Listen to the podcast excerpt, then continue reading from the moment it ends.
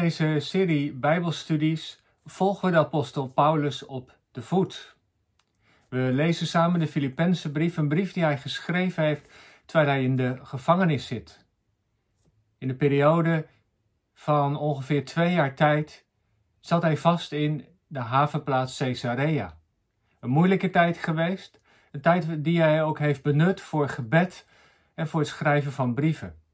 De brief die we samen lezen, geschreven aan de gemeente van de Filippenzen, is een hele bijzondere brief. En blij, uit deze brief blijkt dat apostel Paulus een hele hechte band met deze gemeente heeft opgebouwd. We zagen dat in de eerdere Bijbelstudies. Met name in de eerste pericoop eh, lazen we iets over het gebed, hoe hij de mensen daar in Filippi in zijn hart draagt. En hij bidt dat hun liefde nog meer overvloedig wordt. Paulus heeft vervolgens ook de vrijmoedigheid om ja, iets te delen van de moeite en zorgen die hij heeft als gevolg van de gevangenschap. Hij was afhankelijk van de meelevendheid eh, van andere gelovigen, van andere gemeentes. Hij was afhankelijk van eh, de mensen voor voedsel, voor geld, voor kleding. En gelukkig waren er ook mensen die naar hem omzagen. Maar geen makkelijke tijd. En desondanks ehm, vertrouwt hij erop dat God die situatie, het kwade van die situatie ten goede keert. En dan opeens zomaar een bespiegeling over zijn levenseinde. Het zou kunnen dat het niet goed afloopt en dat hij zal gaan sterven. Voor hem was dat uh, winst, maar tegelijkertijd is er ook de uitdaging, de roeping uh, die hier in het aardse leven op hem wacht, dat waartoe God hem heeft geroepen. Er is dus een hele hechte band met de gemeente van Filippi. En nu in het gedeelte dat vandaag uh, aan de orde is, zien we dat uh, Paulus ook, zich ook zorgen maakt over de gemeente. Het is een jonge gemeente, pas tot geloof gekomen, maar er zijn ook uitdagingen en spanningen. En daarover gaat dit stukje wat nu aan de orde is. De aansporing tot standvastigheid, de aansporing tot eenheid. Paulus eh, ziet in de gemeente eigenlijk twee gevaren. Twee gevaren die de gemeente bedreigen. Eén die van buiten komt en één die van binnen komt. En beide problemen adresseert hij in dit Bijbelgedeelte. Filippenzen 1, vers 27 tot hoofdstuk 2, vers 4. Leef in overeenstemming met het evangelie van Christus, zodat ik kan horen of straks zelf kan zien dat u één van geest bent en samen voor het geloof in het evangelie strijdt. Laat u op geen enkele manier door uw tegenstanders angst aanjagen, want dat is een teken van God. Voor hen dat ze ten onder gaan, voor u dan dat u gered wordt. Aan u is de genade geschonken, niet alleen in Christus te geloven, maar ook omwille van Hem te lijden. U voert dezelfde strijd die u mij vroeger hebt zien voeren en die ik, zoals u hoort, nog steeds voer.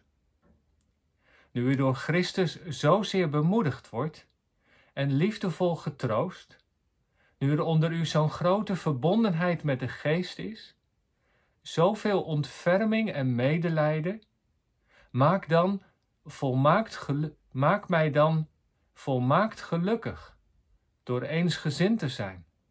één in liefde, één in streven, één van geest.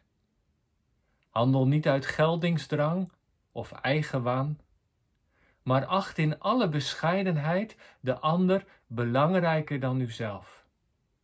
Heb niet alleen uw eigen belangen voor ogen, maar ook die van de ander. Het eerste probleem dat Paulus adresseert vinden we in de versen 27 eh, tot 30. Daar zegt Paulus: leef in overeenstemming met het evangelie van Christus. En die aardsporing eh, heeft alles te maken met de tegenstand die ze op dat moment ervaren. Laat u op geen enkele manier door uw tegenstanders angst aanjagen. Het was voorwaar geen makkelijke opgave om gelovige te zijn in die tijd. Om te beleiden dat Jezus de Curios, de Heer is van de wereld. Want in het Romeinse Rijk en Filippi, dat zullen we nog wel zien, is een Romeinse kolonie eh, waar heel veel soldaten leefden die pensioen hadden. En waar alles, de sfeer ademde van de grote stad Rome. In die stad Rome was de keizer, heer en meester, de Curios. Dus dat je beleid dat Jezus Heer is en niet de keizer, dat heeft het leven van deze gelovigen niet gemakkelijk gemaakt. En de gevangenschap die dreigde, de kwade opmerkingen, de tegenslagen. Je ging ergens solliciteren, misschien wel, en, en werd niet aangenomen omdat je christen was, of je viel op omdat je niet dagelijks offers bracht voor de keizer. Ja, die hebben het leven van deze gelovigen moeilijk gemaakt. En Paulus ja, laat hier eigenlijk iets zien wat van alle tijden is. We weten natuurlijk ook van de vervolgde christenen elders in deze wereld, die het geweldig moeilijk hebben, die vervolgd worden. Ze zeggen wel eens: de duivel gaat rond daar als een brullende leeuw. En het gebed voor hen is natuurlijk geweldig belangrijk. Maar het gezegde zegt ook: de duivel kan ook uh, komen als een engel van het licht op een veel uh, slinksere manier. Um, en dat zou ook hier in de stad Filippi het geval kunnen zijn. Dat er vrienden zijn of collega's die wel offers brachten aan de keizer, die wel meededen met de cultuur. Wij zouden, als we dat vertalen naar vandaag de dag, misschien wel eh, eh, kunnen denken aan het cynisme of het scepticisme wat mensen hebben. Oh, eh, geloof jij in Jezus? Maar dat is, heeft de wetenschap toch allemaal achterhaald. Dat geloof is een fabeltje. Religie, nou in deze tijd, dat zien we toch, dat geeft alleen maar gedoe. En zulke soort opmerkingen, als je de enige bent die gelooft in je vriendenkring, op kantoor waar je werkt, als er, als er ja, weinig ruimte is om iets te delen wat, je, eh, wat voor je belangrijk is, dat, dan doet dat wat met je. Ehm, de massaliteit van het ongeloof, van de cultuur die andere accenten legt, die kan je in het geloof ook geweldig intimideren. En daar ook, ja, kun je last van hebben, kun je door laten ontmoedigen. Nou ja, Paulus spoort in ieder geval de gelovigen aan om zich niet te laten intimideren. En ehm, hij benadrukt dat, dat het juist de genade van God is. Dat ze mogen lijden. Dat is een ander perspectief natuurlijk op het lijden. Je, je moet het niet zien als iets wat, wat, wat je naar beneden trekt, maar als een voorrecht. Want het feit dat je lijdt, betekent dat je op de goede weg zit. Dat je omwille van Christus lijdt, omdat Jezus je alles waard is. En als dat je pijn doet, als mensen je daardoor afwijzen, dan zou je daar eigenlijk, hoe gek het ook is, vreugde in moeten vinden. In dit gedeelte benadrukt Paulus iets wat heel belangrijk is. Leef in overeenstemming met het evangelie. Wat is je getuigenis als christen naar buiten toe? Hoe leef je te midden van de mensen die niet geloven? Hoe, hoe leef je in een cultuur die zo totaal anders is? Laten je woorden in overeenstemming zijn met je daden. Laten je daden in overeenstemming zijn met je woorden. Je hoort bij de Heer Jezus. Hij is de Messias, de Heer van je leven. En uh, zorg dan dat je zo leeft dat dat past bij het leven met Christus. Dat de zondag, waar je met de dingen van God bezig bent, nou ja, natuurlijk niet alleen op zondag, hopelijk ook de andere dagen, maar dat de zondag ook synchroon loopt met de andere dagen van de week. Dat het geloof en het leven met God niet een heel andere wereld voor je is. Dat je als je zondag fijn in de kerk zit of thuis, nu we door de coronacrisis niet naar de kerk kunnen, en meeluistert of als je eh, deze filmpjes kijkt of iets anders op YouTube, dat, dat dat niet een heel andere wereld is dan de wereld waar je uh, um, als je s ochtends gaat werken of als je de gewone dingen weer doet, mee bezig bent. Die horen bij elkaar. En Paulus heeft het hier met name, en dat blijkt ook uit het Grieks, over het publieke leven. dat hoe je bent naar je collega's, hoe je bent naar je buren in de straat. Juist deze coronacrisis geeft ons geweldig veel mogelijkheden om, om naar mensen om te zien. En, en wat is het belangrijk dat we als christenen daarin een verschil maken. Dat als we zeggen dat, dat de liefde van God voor ons leven zo belangrijk is, dat we dan ook liefdevol zijn naar de mensen om ons heen, dat we bereid zijn om te helpen en te dienen. Leef in overeenstemming met het evangelie van Christus. En Paulus hoopt dat als hij straks weer terug is, dat hij dat ook kan zien. Dat ze één van geest is. Dat ze samen in het geloof strijdt in het evangelie. Dat, dat hij kan merken dat ze allemaal ja, eh, dezelfde, dezelfde verlangen hebben, dezelfde passie om Jezus te volgen, Jezus te dienen. En ja, zo mogen wij eh, daar ook naar kijken. Dat God ons de genade geeft dat we Jezus mogen kennen. En dat Hij ons helpt om ook zo te leven dat ons leven geen aanstoot is. Want de tegenstander met een hoofdletter, de Satan, die vindt het natuurlijk geweldig mooi als wij in de kerk eh, rollenbollend over straat voeren. Als het ene naar het andere schandaal met voorgangers, met seksualiteit weer in het voetlicht komt. Dan hebben wij ontzettend slecht getuigenis. Vroeger zeiden ze wel eens, ik heb het wel eens horen zeggen, oh die buurman, nou, die zegt dat hij, dat hij vroom is, maar ondertussen eh, moet je kijken wat hij allemaal uitspookt. He, zo, nou, dan heb je misschien een bedrijf of geef je leiding aan mensen en, en dan ben je christen. En ondertussen neem het niet zo nauw, zeg maar, met, met de omgangsvormen, met de financiën en zo. Paulus zegt, doe dat niet. Laat je leven, wees een mens uit één stuk. Laat je leven in overeenstemming met het evangelie. dat wat je van de Jezus hebt geleerd. Leef dat uit elke dag. Dat is de beste reclame. Dat is het beste getuigenis voor de kerk. En dan het tweede thema dat Paulus aan de orde stelt. En dat doet hij dan in de versen 1 tot en met 4 van hoofdstuk 2. Hij zegt tegen de mensen daar in Filippi: Maak mij dan volmaakt gelukkig. Wees eensgezind. één in liefde, één in streven, één van geest. Dat is een heel sterk appel op de gemeente. de gelovigen kwamen overal vandaan, hadden een andere achtergrond, eh, eh, verschillend inzicht in het evangelie. Maar wat is het belangrijk dat in de gemeente de mensen één zijn, dat ze hetzelfde verlangen, op dezelfde Jezus gericht zijn, dat er geen, geen, geen, geen twist en nijd, dat er geen haat en verdeeldheid is, dat er geen roddel is, dat je de ander in een kwaad daglicht zet om er zelf beter van te worden. Paulus, doe dat, doe dat niet, want dat is een slecht getuigenis naar buiten. Als je bij de Heer Jezus hoort, als iemand anders bij de Heer Jezus hoort, dan heb je samen een band en heb je zoveel gemeenschappelijk. Er is veel meer wat mensen met elkaar verbindt in het geloof dan van elkaar scheidt. En ook dat is heel erg belangrijk. Verdeeldheid staat eh, het werk van de Heilige Geest ook in de weg. En daar komt dan dus ook een sterk appel bij de apostel vandaan.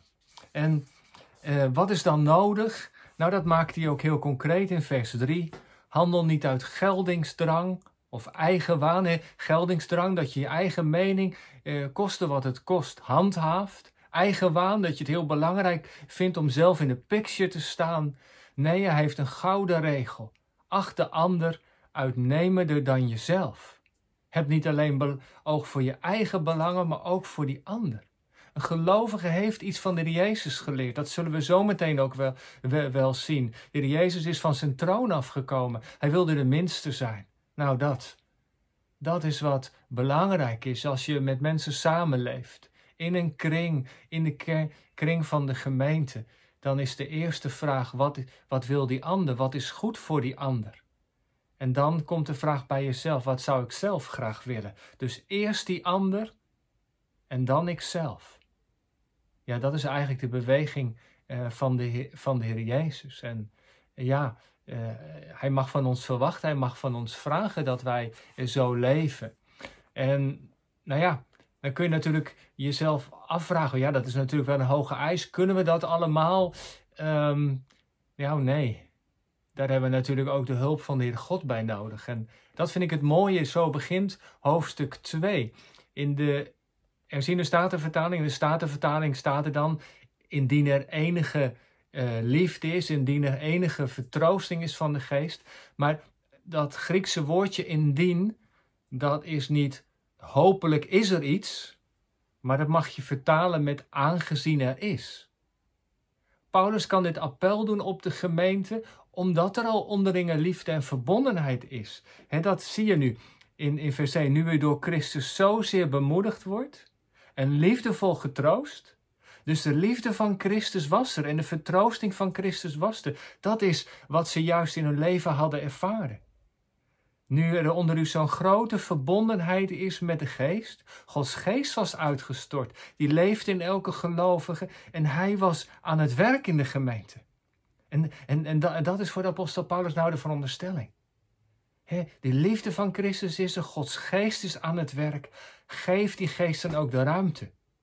En ja, als hij samen voor een deur staat te wachten. Wat doet een christen? Die zegt tegen die ander: ga jij maar voor. Je laat de achter ander uitnemender dan jezelf.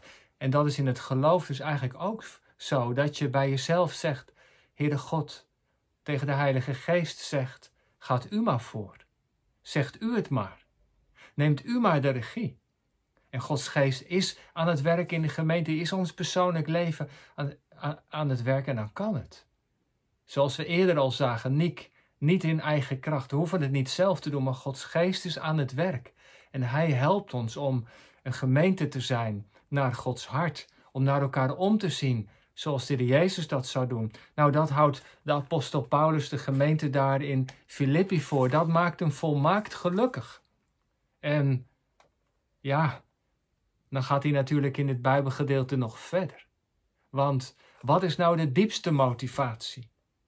Wat helpt ons nou het meest om, om, om standvastig te zijn als er vrienden en niet-gelovigen om ons heen zijn die aan ons trekken en die als we met, met, met, met cynisme, scepticisme te maken hebben? Wat, wat, wat houdt ons nou staande en gaande in de kring van de gemeente? als er mensen wel op een, op een strepen gaan staan, als ze wel de eerste willen zijn, ehm, hoe kunnen we dan toch een pas terugdoen en de ander uitnemende achter dan onszelf. Ik zei al, we hoeven het niet in eigen kracht te doen. Paulus denkt aan het werk van de geest, maar hij denkt vooral aan iemand anders. Iemand die het ons voorgedaan heeft. Iemand die voor ons de diepe weg van vernedering is gegaan. En daarover gaat het in de volgende Bijbelstudie. Nou, dan tenslotte de, de vraag naar de toepassing. Wat kunnen we nou van dit Bijbelgedeelte meenemen? Ik dacht zelf eh, aan drie dingen. En het eerste is dat Paulus tegen ons zou zeggen: Wees een mens uit één stuk. Laten je woorden, dat wat je zegt, dat wat je beleidt te geloven, in overeenstemming zijn met je daden. Wees onberispelijk in, in wat je doet. En dat had natuurlijk ook in de context van, van, van het Romeinse Rijk te maken met, met, met dat je niet vreemd ging, dat je trouw bent in je relaties, hoe je met je seksualiteit omgaat, de taal die je gebruikt. Um, dat had ook te maken met dienstbaarheid, het omzien naar, naar de naaste. Maar als jij zegt bij Jezus te horen, als het goed is, is dat zichtbaar. In je woorden, in je daden is de zondag in overeenstemming met de andere dagen uh, van de week. En dan ben je een goede collega, dan ben je een fijne vriend, dan ben je een goede buur. Wees een mens uit één stuk. En het tweede, dat is natuurlijk ook iets wat echt bij het geloof hoort. Geloof en lijden horen bij elkaar. Als je beleidt in Jezus te volgen, dan ga je tegen de stroom in. Hoe je het ook wendt of keert. Anne van der Bijl, de oprichter van Open Doors, heeft er heel vaak op gewezen. Dat, dat als je de Jezus volgt, dan, dan roept dat tegenkracht op. De broeders en zusters van de volgende kerk, die weten dat als geen ander. Hoe lastig dat kan zijn in een boeddhistisch land, in een moslimland. Als je dan tot geloof komt in de Jezus, word je verstoten van je familie.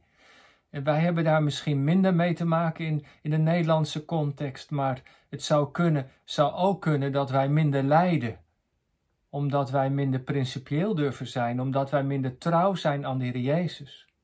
God geven ons die radicaliteit van het geloof, dat we niet bang zijn voor wat mensen allemaal van ons vinden, maar dat er maar één ding is wat voor ons van belang is. Wat zou de Heer Jezus van ons vinden? Ziet Hij mij als een trouwe en toegewijde volgeling? En als we daarover aarzelen, en natuurlijk is er altijd schroom, want het geloof en ons kennen is ten dele, maar in ieder geval laat het wel met je meegaan. De vraag, Heer, wat wilt u dat ik doe? Hoe kijkt u naar mijn leven? En dan mogen we tegelijkertijd ook weer terugvallen in de handen van de Heer Jezus, want Hij is de weg van het lijden gegaan, heeft zijn leven gegeven aan het kruis, ter verzoening van onze zonden. Eh, en daar mogen we ook uit putten, elke dag weer.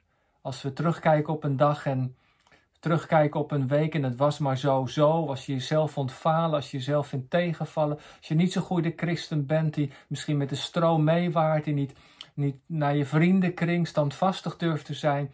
En je denkt aan het einde van de dag, Heere God, het was maar zo, zo. Dan, dan, dan, en als je dat beleidt, dan zal Hij je dat vergeven. Zo genadig is Hij. Maar bid dan ook om de kracht van Gods geest om het morgen ietsje beter te doen. En elke dag zo te groeien. Geloof en lijden horen bij elkaar. En de derde, dat is ook belangrijk. Um, oefen jezelf in het voorrang geven van de ander. Um, probeer ook rekening te houden met de mensen om je heen. Dat de eerste vraag is niet wat jij wil, wat jij belangrijk zijn, wat jouw dromen en idealen zijn, maar de ander. Wat vind jij fijn? Hoe kijk jij daar tegenaan? Wees bereid een pas op de plaats te maken. Je hoeft het niet in eigen kracht te doen. Gods geest zal ons helpen. En, en wat zeker ook belangrijk is, uh, we hoeven niet alleen te geloven. Door die lockdown zitten we nu veelal thuis, dat is lastig. Maar um, ja, hopelijk gaat het onheil ook weer een keer voorbij en dan kunnen we elkaar weer ontmoeten in de Bijbelkring, in de vriendengroep. We geloven geloven gelukkig niet op ons eentje. God heeft heel veel broeders en zusters om ons heen gegeven om elkaar te bemoedigen en te versterken. En samen, samen kunnen we zo ja, gericht zijn en gericht blijven. We hebben een verantwoordelijkheid om elkaar te stimuleren. Als we iemand zien afdwalen, als iemand een beetje ja, de zondagse diensten verwaarloost, dan kunnen we hem aansporen en weer bijtrekken. Net als die Thomas die was er na de dag van de opstanding niet, maar een week later hebben ze hem erbij getrokken. Is hij er wel weer bij? Zo mogen we naar elkaar omzien. Om samen gericht te zijn op de Jezus, op Hem die vanuit de hoge hemel neerdaalde. Om ons te redden, om bij ons te zijn.